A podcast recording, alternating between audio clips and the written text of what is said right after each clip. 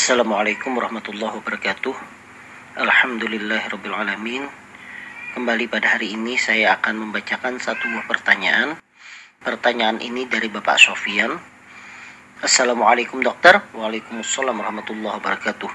Saya mau nanya Apa penyebab usus buntu? Apakah memakan biji cabai atau jambu bisa menyebabkan usus buntu? Kapan harus dilakukan tindakan operasi? Terima kasih Baik, terima kasih Pak Sofian atas pertanyaannya.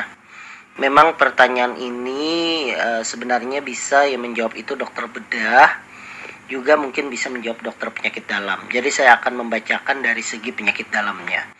Mungkin untuk nanti pertanyaan untuk tindakan operasi lebih kompeten untuk menjawabnya itu adalah dokter bedah, tapi saya sedikit akan nanti memberikan sedikit pencerahan yang nanti mungkin bisa dikonfirmasi kalau ada teman-teman dokter bedah yang mendengarkan penjelasan dari saya.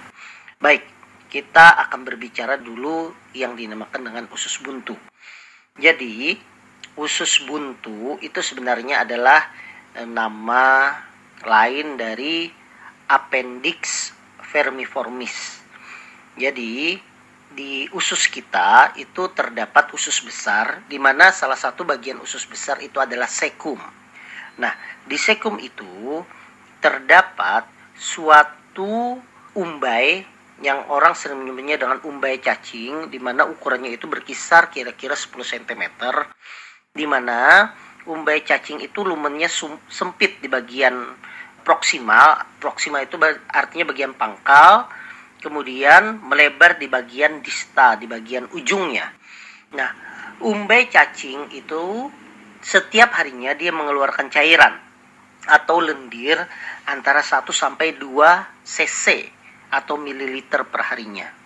Nah, umbai cacing tersebut sebenarnya secara fisiologis itu memang masih menjadi perdebatan oleh para ahli apakah dia punya fungsi atau tidak. Tetapi yang pasti di bagian usus besar di sekum tadi ada suatu umbai di mana umbai itu kurang 10 cm, itulah yang kita sebut dengan usus buntu. Jadi kalau kita bicara usus buntu, sebenarnya kita berbicara organ yang disebut dengan umbai cacing atau dalam bahasa anatominya itu disebut dengan appendix vermiformis. Nah, lantas kenapa itu bisa berbahaya? Itu bisa menjadikan peradangan. Nah, pada suatu saat bisa jadi umbai cacing yang mengeluarkan lendir tadi antara 1 sampai 2 cc per hari itu tersumbat atau dalam bahasa kedokterannya disebut dengan obstruksi. Nah, sumbatan inilah yang menyebabkan terjadinya peradangan pada umbai cacing tersebut atau dalam bahasa awamnya orang menyebutnya dengan radang usus buntu Ya, jadi berbeda. Kalau usus buntu itu bicara organ, kalau dia sudah terjadi gangguan dia disebut dengan radang usus buntu. Dalam bahasa diagnosa, dokter sering menulisnya dengan kata appendicitis. Artinya adalah radang usus buntu. Kenapa radang usus buntu itu bisa terjadi? Terjadinya radang itu seperti yang saya sampaikan tersebut, terjadinya sumbatan pada umbai cacing tersebut. Kenapa bisa menyumbat? Macam-macam hal yang menyumbat tersebut. Di dalam textbook itu dikatakan bahwa sumbatan yang terjadi itu bisa karena adanya fekalit. Fekalit itu adalah suatu kotoran uh, kotoran yang seharusnya dibuang oleh tubuh kita melalui anus nantinya melalui buang air besar. Nah, kotoran itu mengeras seperti batu. Nah, mengeras seperti batu, kemudian dia singgah di umbai cacing, tersumbat, akhirnya dia bisa menjadi peradangan. Itu yang pertama. Yang kedua, itu disebutkan ada juga dikarenakan adanya batu empedu yang ke sana. Jadi batu empedu itu kan diproduksinya di empedu. Kemudian dia bisa keluar menuju ke usus 12 jari, kemudian melewati usus kecil sampai ke sekum. Nah, di sekum dia bisa menyumbat appendix vermiformis sehingga menyebabkan peradangan usus buntu atau disebut dengan appendicitis. Kemudian penyebab lain bisa karena ada tumor di daerah sekum tersebut sehingga menjadikan peradangan. Kemudian yang keempat, bisa juga ternyata disebabkan karena cacing. Jadi cacing masuk ke dalam appendix tersebut sehingga menyebabkan peradangan yang akhirnya menyebabkan gangguan pada usus buntu tersebut. Nah, jadi kalau kita bicara di situ berarti kalau kita bicara usus buntu itu bicara organ, tapi kalau kita bicara peradangan usus buntu berarti dia disebut dengan appendicitis.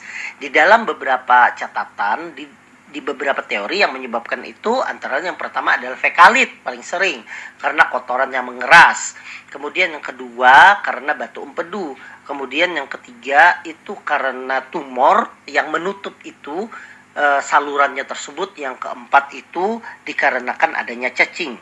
Gara-gara dia menyumbat akhirnya terjadi proses radang atau inflamasi.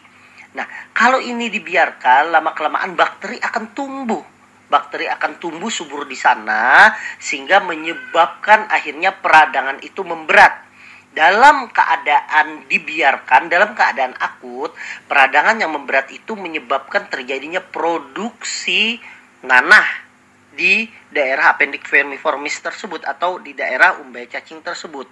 Yang mana kalau seandainya dia makin lama makin meradang, makin membesar, dia bisa pecah sehingga menyebabkan cairan nanah tersebut menyebar di perut. Itu yang menyebabkan apendik akut itu berbahaya bahkan bisa menyebabkan kematian pada seseorang. Karena peradangan tersebut menyebabkan infeksi di perut akhirnya seseorang itu menjadi terinfeksi sepsis dan menyebabkan kematian. Dalam keadaan daya tahan tubuh yang baik peradangan tersebut langsung dilawan oleh imun yang ada di dalam tubuh kita terjadi perselubungan sehingga dia nantinya tidak sampai pecah tetapi dia terjadi perselubungan di sana yang menyebabkan diagnosanya dari apendisitis akut berubah menjadi apendisitis kronik. Kapan dioperasi? Ya tentunya dalam keadaan peradangan akut dan pada saat dia meradang sekali itu sebenarnya indikasi untuk operasi. Atau bisa juga dalam keadaan apendisitis kronik juga beberapa pertimbangan oleh dokter bedah itu dilakukan operasi selain diberikan antibiotik untuk peradangan kronik tersebut. Nah, balik lagi ke pertanyaan Pak Sofian, apakah dengan memakan biji cabai atau jambu itu bisa menyebabkan usus buntu? Ini adalah mitos, artinya kepercayaan di masyarakat yang diyakini kebenarannya. Tetapi sebenarnya dalam ilmu kedokteran ternyata biji cabai atau biji jambu tersebut sangat jarang sekali bisa menyebabkan sumbatan di saluran usus buntu tersebut. Pernah saya baca itu di beberapa sitasi mengatakan pernah ada kejadian gara-gara biji dari cabai atau biji jambu yang masuk ke dalam sana. Tetapi itu kasusnya sangat jarang mungkin antara satu dari 2000 kasus atau satu dari 3000 kasus kejadian tersebut. Sehingga kalau dikatakan apakah itu penyebab utamanya, saya katakan tidak, itu hanya mitos saja. Karena penyebab utamanya tadi seperti yang saya sampaikan tadi bisa karena kotoran yang mengeras, bisa karena e, batu empedu, bisa karena cacing, bisa karena tumor atau bisa karena ada peradangan sistemik di daerah situ yang menyebabkan tersumbatnya dari saluran usus buntu tersebut. Mungkin itu saja yang bisa saya sampaikan. Semoga ini bisa bermanfaat untuk Pak Sofian yang menanyakannya dan bermanfaat bagi pendengar yang mendengarkan penjelasan dari saya ini. Demikian yang bisa saya sampaikan. Semoga kita semua selalu diberikan kesehatan oleh Allah Subhanahu wa taala. Saya tutup. Wassalamualaikum warahmatullahi wabarakatuh.